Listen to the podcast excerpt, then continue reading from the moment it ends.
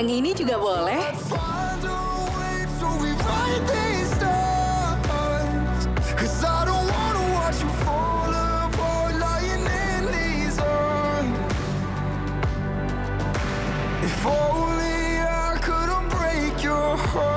Semuanya ada di 3FM. Aku tak menyadari Kau telah menaruh Kepadaku yang selalu menjadi temanmu. Awalnya ku tak ingin membuka pintu hati.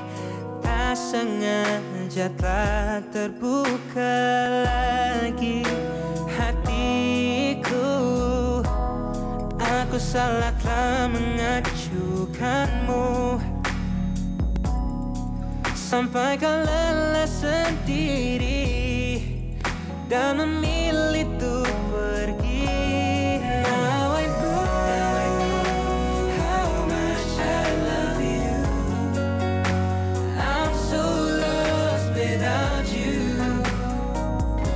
when you were not by my side.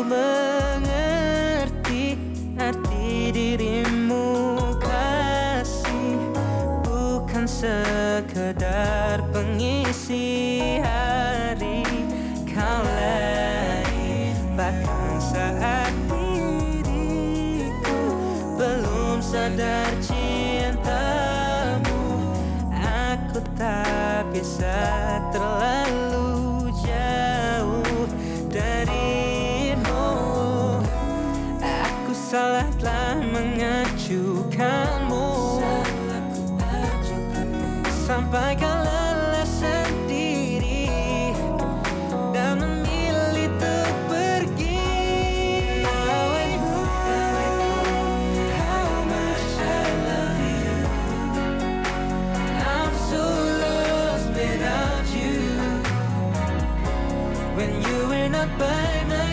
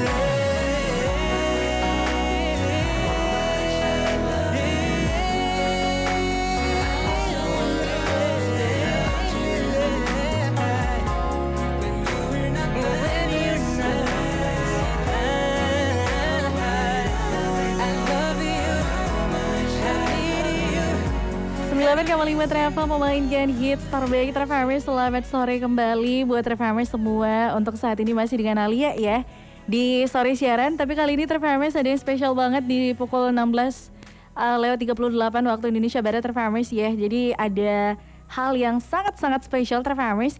Kita bakal berbincang-bincang seru seperti biasa Travelers ya di uh, sorry siaran biasanya ada talk show spesial. Nah, Terfamis kali ini kita udah ada uh, kita perkenalan dulu Terfamis ya. Ada Heycast Terfamis ya atau Hell Isu Podcast. Ini merupakan uh, program kerja antara AMSA dan juga Radio Tria FM pastinya Terfamous ya. Dan juga Heycast ini Terfamous ya bisa kamu dengerin loh di Spotify AMSA USK Terfamous ya. Jadi bisa juga selain kamu mungkin ketinggalan ya untuk informasi untuk saat ini kamu bisa mendengarkan lebih lanjutnya di Spotify Terfamous. Oke, untuk uh, yang bakal kita bahas Terfamous ya. Ini salah satu masalah yang kini tengah beredar adalah perihal efektivitas salah satu jenis vaksin yang banyak diinjeksikan di awal instruksi vaksinasi di Indonesia Trafamas yaitu Sinovac ya yang menurun uh, dalam enam bulan. Jadi isu yang beredar mengenai kewajiban uh, vaksinasi ketiga menjadi perdebatan besar banget Terfames ya dan juga mulai menggoyahkan rasa percaya masyarakat. Nah untuk di Hekes episode pertama ini Terfames ya kita akan membahas hal-hal tersebut. Benarkah antibodi vaksin Sinovac ini menurun dalam enam bulan? Terus juga apakah harus divaksin untuk ketiga kalinya? Sehingga dapat memberikan informasi yang logis dan juga akurat kepada masyarakat terkait isu-isu yang beredar Terfames ya. Dan kali ini Terfames alhamdulillahnya di Radio Tri Terfames ya tepatnya di studio Radio Tri ya. Kita udah uh, datang narasumber yang sangat spesial Terfames ya. Ada Dokter Budianti. Selamat sore Ibu Dokter. Selamat sore. gimana Ibu kabarnya hari ini? Alhamdulillah baik. Alhamdulillah ya. Tapi kalau ngomong Ibu tadi uh, on the way ke radio ada hujan gak sih Bu? Gerimis. gerimis ya. Tapi alhamdulillah nggak sampai kebasahan ya. Naik kendaraan mobil atau Oh, mobil ya, mobil bukan ya. umum. Oke bercanda ya dokter ya. Oke, jadi uh, untuk saat ini terfamis ya kita udah langsung uh, ngobrol sama Ibu Dokter Budianti. Ini panggilnya Ibu Dokter Yanti atau gimana nih? Eh, kalau lebih manis Yanti aja. Oke, panggil Alia aja dokter jangan Oh, panggil iya. kak. Gitu. Alia masih muda kok ya.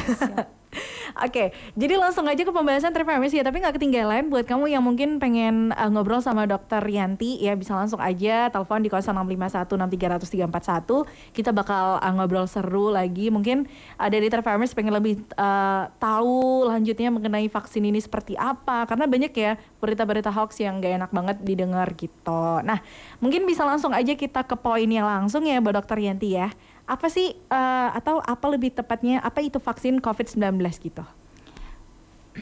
Terima kasih ya Alia sudah diundang ke 3FM. Sama-sama Bu Dokter. Jadi vaksin itu adalah suatu produk biologi Mm-mm. ya dibuat oleh eh, banyak peneliti kemudian diberikan untuk kita yaitu ke- dimasukkan ke dalam tubuh manusia Hmm. yang tujuannya melindungi tubuh kita supaya tidak rentan terkena eh, penyakit terutama penyakit-penyakit menular. Mm-mm. Nah, vaksin ini dia setelah masuk ke dalam tubuh kita, maka dia akan eh, berfungsi untuk merangsang pembentukan kekebalan eh, terhadap penyakit tersebut, Hmm. ya. Nanti eh, suatu saat ketika tubuh kita terpapar oleh eh, virus misalnya ya atau bakteri yang membawa penyakit menular tersebut, Mhm. maka tubuh kita tuh sudah eh, mengenali eh, virus tersebut. Jadi sudah kenal dan virus langsung eh maksud saya tubuh kita langsung eh, bersiap siaga. Hmm. Karena sudah kenal oh virus ini mau menyerang tubuh nih sehingga virus eh, tubuh kita sudah bersiap siaga untuk eh, melawan serangan dari virus tersebut. Oke, berarti ini memang sangat-sangat dianjurkan dalam situasi seperti ini ya dok ya? Ya, benar sekali. Oke, apakah benar eh, seseorang yang udah divaksin itu Bu Dokter akan kebal terhadap infeksi COVID-19? Karena kan kita banyak ya menerima isu-isu yang gak enak gitu di luar sana. Itu gimana tanggapannya dokter? Nah, eh, vaksin ini tidak 100% membuat kita tuh kebal ya, terutama terhadap COVID-19. Kenapa COVID-19? Karena ini adalah eh, masalah penyakit menula- menular yang utama yang sedang kita hadapi sekarang. Memang eh, vaksin tidak membuat kita 100% kebal terhadap COVID. Jadi setelah vaksin tetap kita harus eh, prokes ya. Protokol kesehatan tetap dijalankan. Salah satunya paka- memakai masker, kemudian eh, tidak berkerumun, kemudian menghindari mobilitas dan sering mencuci tangan. Jadi prokes 5M itu tetap dijalankan plus vaksin. Sehingga kalau sudah paket komplit seperti ini, Hmm. maka over 50% mungkin mendekati 100% kita bisa terlindungi dari eh, serangan eh, COVID-19. Mhm. Ya. Nah, jadi tanggapan eh, ibu dokter tadi eh, tidak tidak ya dokter ya maksudnya ini juga Tidak menjamin kebal Ah, ah, 100%. benar-benar. Nah, mengapa harus melakukan vaksinasi kalau memang eh, tetap dapat terinfeksi gitu dokter? Eh, jadi tujuan vaksinasi itu yang pertama adalah kalau kita eh, sudah divaksinasi, Hmm. maka kemungkinan untuk jatuh dalam kondisi sakit itu akan lebih ringan Hmm. daripada yang tidak divaksinasi. Hmm. Nah itu terlihat eh, jelas sekali, eh, terutama pada saat saya merawat-merawat pasien COVID-19. Jadi kalau ada pasien yang eh, datang ke rumah sakit dengan COVID-19, umumnya itu yang sudah divaksinasi biasanya derajatnya derajat ringan. Hmm. Nah, ini karena tadi di awal sudah saya jelaskan kalau tubuh kita sudah mendapatkan vaksin, Mhm. maka tubuh kita itu akan kenal dengan virus COVID-19 ini sehingga tubuh sudah prepare duluan. Oh, tu- eh, saya ini diserang oleh virus COVID-19 sehingga mampu memusnahkan virus COVID-19 tersebut dan kita tidak sampai jatuh ke eh, COVID-19 yang derajatnya sakitnya tuh berat Mhm. itu salah satu tujuan kita melakukan vaksinasi. Kemudian yang kedua eh, untuk mencapai kekebalan kelompok atau herd immunity, ya, di mana herd immunity ini eh, suatu kondisi sebagian masyarakat, sebagian besar masyarakat bisa kebal terhadap penyakit tertentu. Jadi kalau banyak yang divaksinasi, maka eh, kekebalan dari masyarakat tersebut juga akan bisa tercapai. Hmm. Nah, ada bagian dari elemen masyarakat yang tidak bisa divaksinasi, misalnya karena faktor-faktor tertentu ya, misalnya karena eh, punya penyakit bawaan yang berat sehingga tidak bisa divaksinasi, otomatis dia akan rentan terinfeksi COVID-19. Tapi kalau sebagian besar dari kelompok masyarakat tersebut sudah divaksinasi semua, maka kelompok yang rentan ini juga akan terlindungi. Jadi secara tidak langsung kalau kita semua melakukan vaksinasi, maka kita akan melindungi kelompok-kelompok rentan yang tidak bisa divaksinasi. Seperti Hmm. itu. Oke, nah kita juga eh, tahu ya Bu Dokter ya, selama ini juga pemberian vaksin dilakukan dalam dua dosis ya untuk masyarakat umum. Nah pertanyaan Ali adalah kenapa harus dua dosis nih Bu Dokter? Ya benar sekali nih ya. Kenapa harus dua dosis sih? Kenapa nggak satu aja? Karena kan kalau disuntik kan sakit ya. Iya, Kenapa benar. harus dua kali kan seperti Ah, ah, itu. ah, ah. Nah ini memang eh, ada basic eh, ininya, knowledge-nya. Jadi kalau misalnya pada suntikan pertama Hmm. eh, itu adalah tujuannya untuk eh, merangsang eh, merangsang sel-sel imun di awal. Kemudian eh, pada suntikan kedua itu supaya bisa menghasilkan eh, produksi antibodi yang lebih maksimal. Sehingga pada suntikan pertama itu penghasilan antibodinya masih sedikit. Sehingga perlu shoot eh, second shooting atau eh, suntikan kedua untuk eh, tujuannya untuk menghasilkan antibodi yang maksimal. Kenapa perlu antibodi yang maksimal? Karena dengan antibodi yang maksimal itu tubuh kita akan terproteksi dari eh, invasi atau serangan eh, virus COVID-19. Oke, nah itu dia Trevor ya. Dan yang terakhir sebelum kita break lagi dokter ya, ada efeknya sih jika kita lakukan vaksinasi dua dosis tidak sesuai rentan waktu yang ditetapkan pemerintah? Biasanya kan pemerintah menetapkan waktu 28 hari ya dokter ya. Ya. Itu ada nggak sih kayak efek sampingnya gitu kalau nggak sesuai dengan rentang waktunya? Gimana tuh dokter? Ada, karena eh, itulah kenapa harus dua kali suntikan. Karena Mm-mm. tadi kalau sekali suntikan Hmm. Dan itu punya rentang waktu tertentu dan itu sudah berdasarkan penelitian. Oke. Jadi kalau misalnya rentang waktunya kalau Sinovac misalnya ya, Mm-mm. itu harus dalam eh, rentang waktu maksimal tuh 28 hari di eh, suntik eh, harus sudah melakukan suntikan kedua. Mhm. Karena sudah diteliti pada pada suntikan pada waktu dua, eh, hari ke-28 itu Hmm. akan kalau mendapatkan suntikan kedua akan mampu eh, menghasilkan antibodi maksimal yang tadi-tadi itu. Mhm. Jadi kalau misalnya kelewat misalnya Hmm. setelah sampai eh, sampai satu bulan lebih misalnya atau 35 hari misalnya itu bagaimana? Maka akan eh, produksi antibodi yang maksimal itu nggak sesuai dengan harapan yang sudah diteliti sebelumnya. Oke. Jadi suntikan satu dengan rentang eh, 28 hari kesuntikan kedua itu juga sudah berdasarkan penelitian. Hmm. Tujuannya adalah untuk menghasilkan antibodi yang maksimal. Oke. Jadi kalau tidak sesuai dengan rentang hari tersebut, ya efeknya ya antibodi Anda tidak maksimal. Oke, Gitu. nah itu dia Trevor ya sekilas pembe- eh, pembahasan kita kali ini dan masih banyak loh Trifamers pembahasan kita bersama Ibu Dr. Yanti ya. Jadi pastiin buat kamu untuk uh, terus di Radio Trifam ya, apalagi buat kamu yang pengen tahu lebih lanjut mengenai vaksin ini seperti apa karena banyak banget Trifamers banyak banget informasi yang tidak mengenakan mengenai vaksin Trifamers ya. Jadi kamu bisa juga Trifamers tanya-tanya sama Ibu Dr. Yanti dan kebetulan hadir di studio Radio Tri ya Trifamers alhamdulillah banget ya. Kita diberi kesempatan untuk bertemu sama Ibu Dr. Yanti. Langsung aja bisa telepon di 06516300 Sebelumnya Trifamers kita harus break dulu nanti kita bakal lanjutin lagi. Tetap bersama Alia dan juga Ibu Dr. Yanti.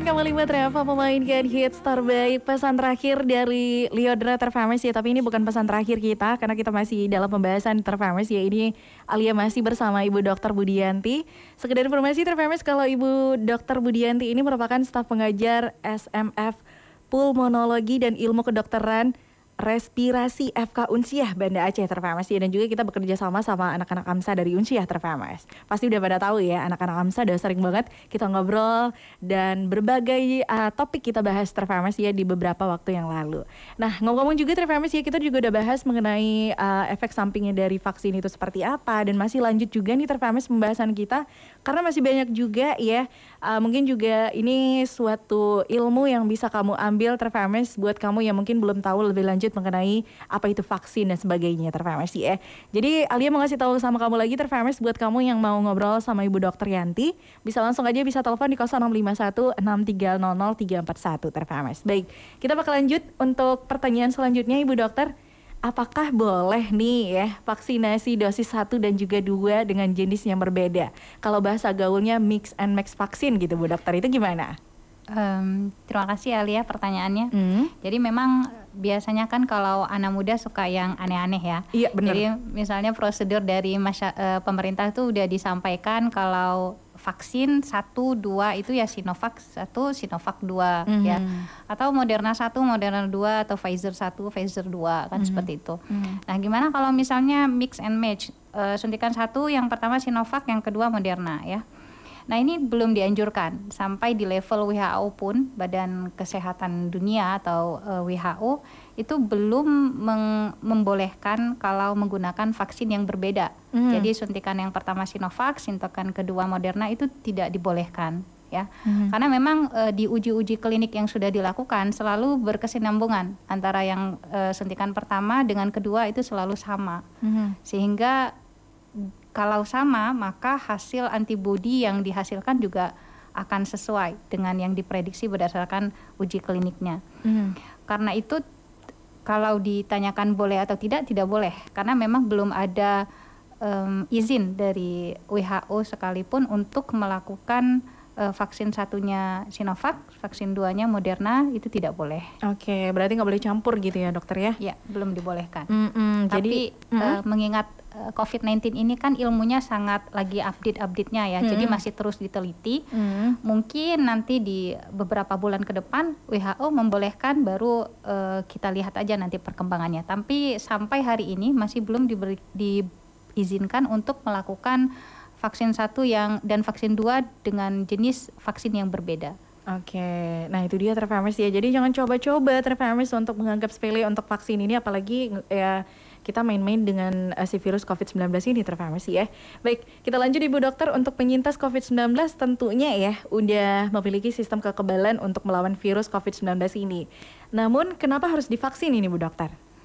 Jadi em, orang-orang yang sudah pernah sakit COVID-19 ya, kom- eh, maka dia tubuhnya akan menghasilkan antibodi. Iya. Jadi kalau semua penyakit kalau kita pernah kena, maka tubuh kita itu akan menghasilkan antibodi yang melindungi kita terhadap penyakit tersebut.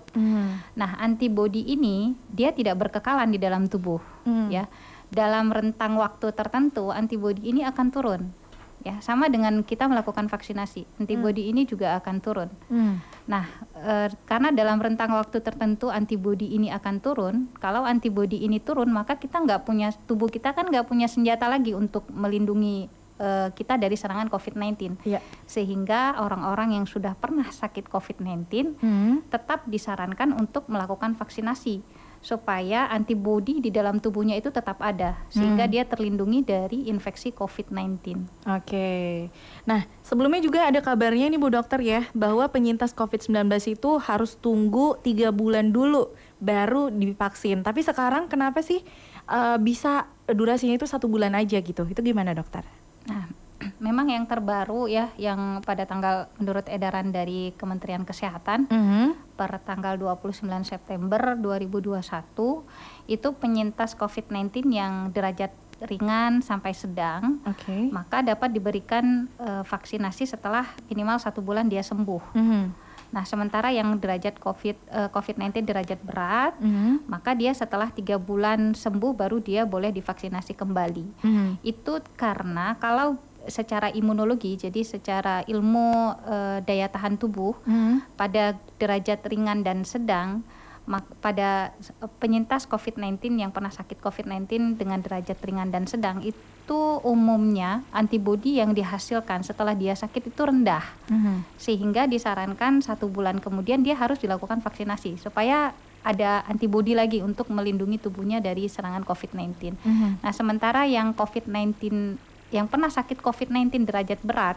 bahkan sangat berat, itu berdasarkan penelitian eh, tubuhnya itu memiliki antibodi yang eh, produksi antibodi yang jumlahnya tinggi Mhm. sehingga diprediksi bisa melindungi dia dalam rentang waktu tiga bulan ke depan. Mhm. Nah, setelah tiga bulan ke depan antibodinya turun, maka dia harus melakukan vaksinasi kembali Mhm. seperti itu. Oke, nah alhamdulillah banget nih Bu Dokter ya ada kebetulan dari Trefames yang udah WhatsApp di nomornya radio di 08116888945. Ini Assalamualaikum ada pertanyaan Ibu ya. Assalamualaikum Ibu Dokter, saya Mahdi dari Ajun. Kenapa ya, Ka- eh, saya kan udah divaksin Ibu Dokter, kenapa bisa terkena COVID-19 lagi gitu? Nah, ini pertanyaannya bagus ya, Ah, Alia ya. ah, ah, ah. Jadi ini memang eh, sering ditanyakan di luar sana. Saya sudah vaksin, kenapa saya terinfeksi Ah, ah, lagi? benar, ini gitu. kebetulan Pak Mahdi dari Ajun yang nanyakin Ibu. Iya benar ya.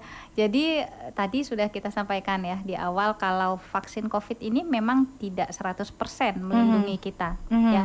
Gimana caranya bisa 100% memproteksi kita dari COVID-19 ya. Mhm. Yang pertama adalah prokes 5M plus vaksinasi. Oke. Jadi kalau cuman prokes 5M aja nggak vaksinasi, nggak terlindungi 100%. Mhm. Atau vaksin aja tidak prokes 5M juga tidak melindungi Anda dari 100% COVID-19. Mhm. Jadi supaya komplit bisa membentengi Anda dari COVID-19 maka prokes 5M dan vaksinasi. Jadi kebanyakan di luar sana kalau sudah vaksin tuh merasa, "Eh, saya sudah sudah kebal nih gitu ya." Mhm. Tapi nggak pakai masker, Mhm. jarang cuci tangan, Mhm. tetap eh, dalam kerumunan. Nah, itu bisa mem- meng- apa, membuat Anda terinfeksi COVID-19 lagi. Mhm. Seperti itu. Jadi hati-hati sekali walaupun sudah vaksin COVID ya, waktu walaupun sudah melakukan vaksinasi COVID tetap harus prokes 5M. Menghindari kerumunan, memakai masker, mencuci tangan ya, meng- dan menghindari mobilitas yang berlebihan. Oke, baik itu dia. Berarti memang harus benar-benar dijaga ya dokter ya untuk prokesnya. Jangan mentang-mentang udah divaksin anggap sepele gitu istilahnya ibu dokter Ya, ya. betul Alia. Kayak kita naik motor tuh. Ah, ah, Kalau naik motor kan pakai jaket, Ah, ah. pakai helm, helmnya diklik ya. Jangan lupa biasanya kan pakai helm nggak diklik. Mm-mm. Bisa jadi jatuh kemudian geger kepala, geger otak. Oke. Jadi pakai helm dan diklik. Nah, itu baru sempurna eh, ininya. Oke. Nah, Persiapannya. ada pertanyaan nomor uh, yang kedua ini Bu Dokter dari perempuan ini datangnya ya. Assalamualaikum Bu Dokter, saya Manda dari Peniti. Kebetulan uh, udah divaksin nih Dokter ya, yang pertama.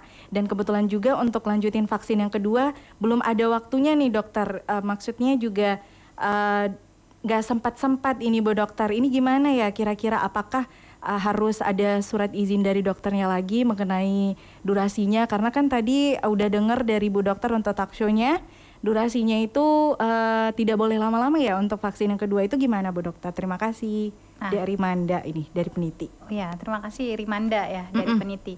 Jadi eh, tadi kan sudah disampaikan kalau durasi vaksin satu Sinovac itu ke vaksin 2 kan 28 hari. Mm-mm. Usahakan di hari ke-28 itu udah vaksin Sinovac. Oke. Karena tujuan kita, target kita adalah setelah vaksin kedua di hari ke-28 antibodi bisa dihasilkan secara maksimal. Hmm. Nah, gimana kalau udah kelewatan ya?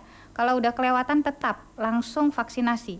Berapapun lebih harinya tetap langsung melakukan vaksinasi eh, suntikan kedua. Oke. Gitu. Berarti nggak apa-apa ya dok ya kalau durasinya kelamaan gitu ya? Enggak apa-apa. Oke. Yang penting harus eh, suntikan kedua ya, jangan eh, cuman suntikan pertama aja karena tidak akan menghasilkan antibodi yang maksimal. Oke, nah itu dia terpamer sementara kita baca dulu yang WhatsApp dari Pak Madi dan juga tadi dari Kamanda ya dari peniti. Kita lanjut dokter untuk pertanyaan selanjutnya. Apa benar ini antibodi vaksin Sinovac menurun dalam enam bulan gitu? Bagaimana dengan jenis vaksin lain-lainnya gitu dokter? Jadi antibodi ini kan bentukannya kayak hormon ya. Jadi Ah-ah. dalam rentang waktu tertentu dia bisa akan turun Ah-ah. ya. Jadi tadi kayak yang sudah pernah sakit COVID-19 pun dia kan bu- tubuhnya akan menghasilkan antibodi Ya. dan dalam rentang waktu tertentu dia akan turun antibodinya. Hmm. Kalau antibodinya turun artinya kita nggak tubuh kita nggak punya senjata yang membentengi kita dari eh, penularan COVID-19. Mhm. Nah, eh, ini sudah diteliti. Jadi siapa eh, dari jenis vaksin Sinovac Mhm. itu dalam rentang waktu empat bulan, kemudian setelah divaksinasi Sinovac dalam rentang waktu empat bulan hingga maksimal enam bulan itu akan eh, mengalami penurunan eh, produksi antibodi.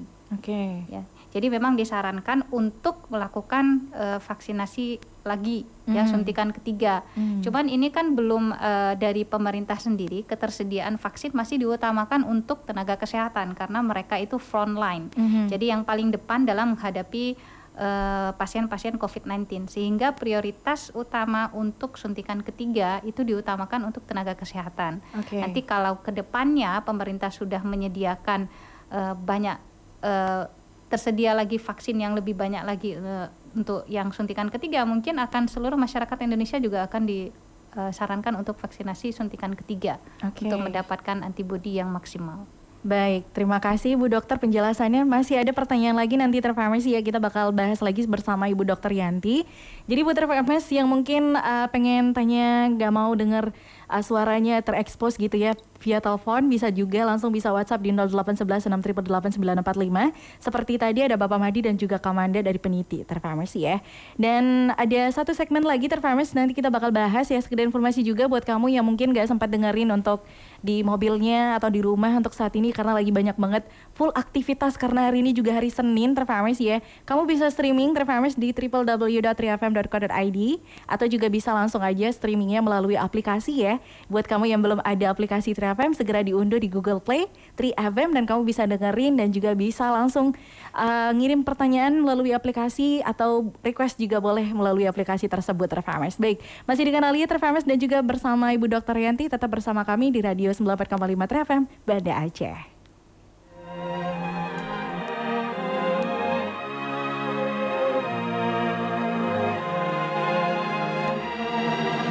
Lima hari sudah ku rindu Tak bisa ku menghubungimu Kau sedang dengan dirinya Sedang kita rahasia.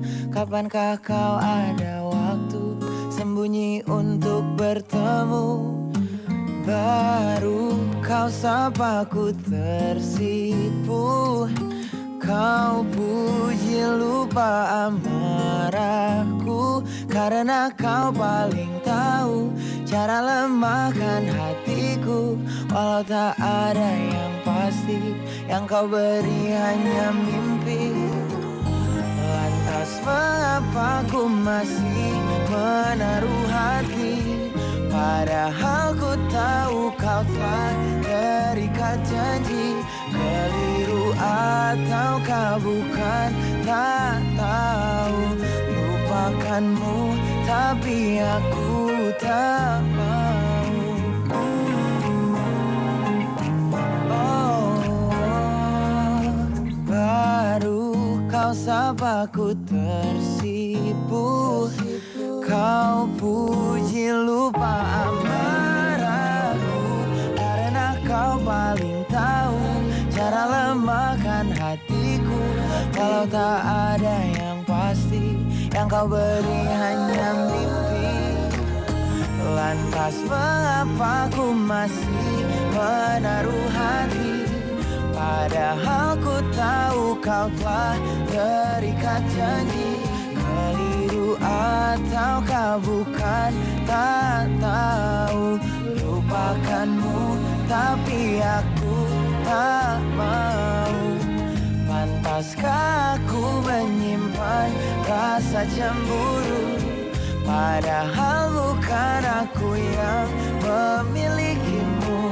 Sanggup sampai kapankah ku tak tahu. Akankah akal sehat menyadarkanku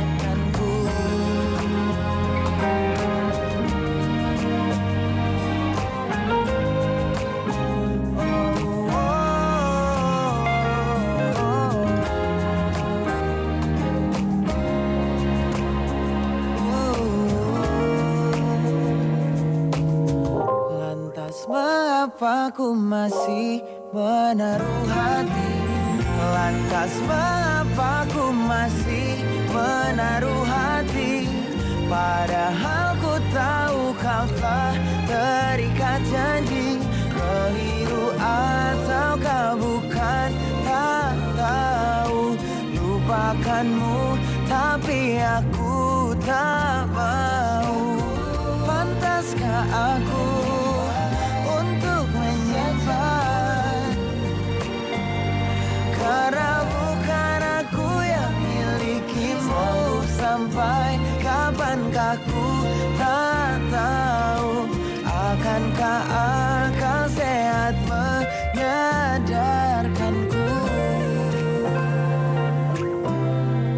98,5 Treva memainkan hits terbaik Selamat sore kembali buat Trevamers ya Baru bergabung sama Alia dan juga bersama Ibu Dr. Yanti Trevamers ya Tadi kita udah bahas buat eh, apa ya mengenai vaksin Trevamers Dan gak ketinggalan buat kamu yang mungkin kelewat ya informasi pembahasan Alia dan juga bersama Ibu Dr. Yanti Sekedar informasi juga, Highcast ini bisa kamu dengerin Trevamers di Spotify, AMSA, USK Trevamers ya. Jadi eh, bisa langsung aja buka Spotify, cari Highcast Trevamers ya dan kamu bisa dengerin gitu.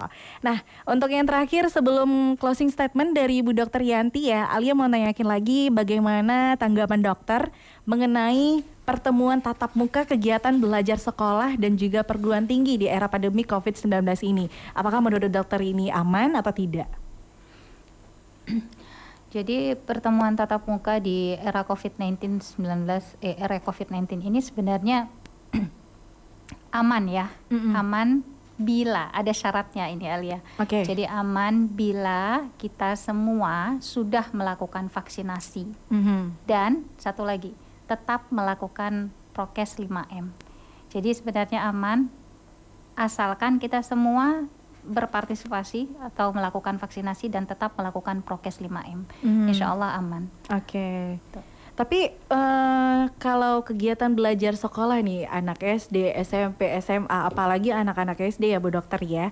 Ini kan agak eh, mereka kan takut banget yang namanya suntik itu. Apakah ada kayak dilonggarkan untuk vaksinasi dari kalangan anak-anak itu gimana menurut dokter? Apakah mereka boleh tidak vaksin gitu tapi tetap eh, menjaga prokesnya atau gimana? Apakah memang harus semua kalangan umur gitu harus divaksin itu seperti apa dokter? Yang terbaik semua kalangan divaksinasi. Oke, Tapi kan harus eh, semua ada caranya. Mm-mm. Jadi tidak boleh dipaksa. oke. Seperti itu ya.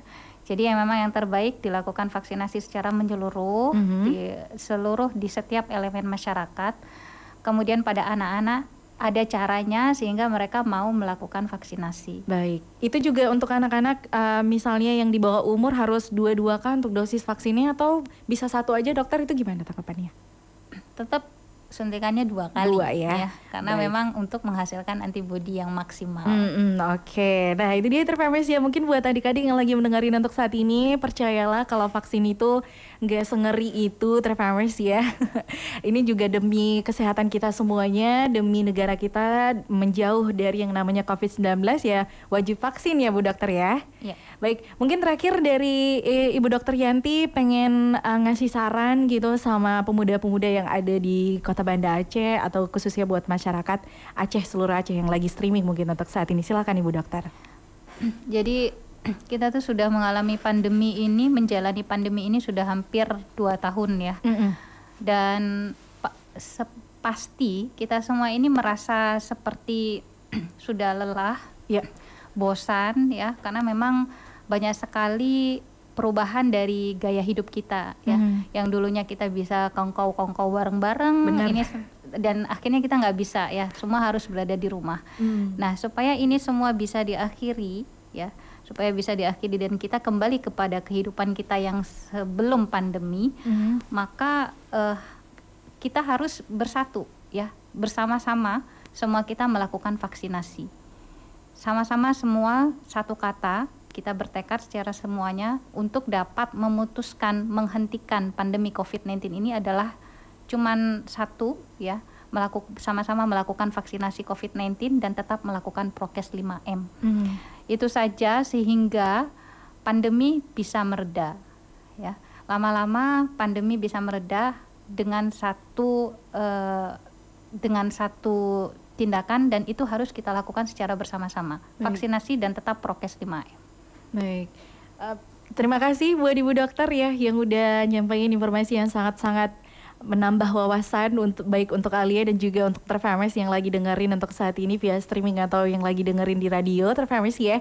Dan ini adalah apa ya suatu hal yang patut banget yang harus kita ikuti anjuran pemerintah Terfamers untuk COVID-19 ini. Kita wajib vaksin Terfamers ya. Jangan nanti seperti yang tadi uh, Pak Mahdi ada bertanya dari Ajun kalau dari vaksin kenapa bisa kena COVID lagi ya? Itu berarti uh, dari bapaknya nggak prokesnya ketatnya gitu. Prokesnya nggak ketat lagi gitu kurang istilahnya kayak prokesnya itu terlalu kendor ya Bu Dokter ya. Jadi jadi kalau bahasanya kita itu jangan kasih kendor. Iya benar. Nah itu dia Terfamers. Intinya kita harus menjaga kesehatan kita lagi, lebih aware lagi mengenai kondisi kesehatan tubuh kita gitu Terfamers ya. Jangan kemakan omongan-omongan hoax yang ada di sosial media atau media-media lainnya gitu Terfamers ya. Baik terima kasih banyak untuk Ibu Yanti yang udah uh, mampir ke Radio Tri dan juga teman-teman dari AMSA. Terima kasih banyak. Terima kasih Alia. Sama-sama Ibu Dokter, semoga makin sukses dan sehat terus ya Bu Dokter ya. Amin amin. Amin. Terima kasih juga buat Trifamers. Alia masih nemenin kamu nih Trifamers ya sampai di jam uh, 6 sore. Jadi pastiin buat kamu untuk sama Alia terus di Radio 98,5 Trifam Banda Aceh.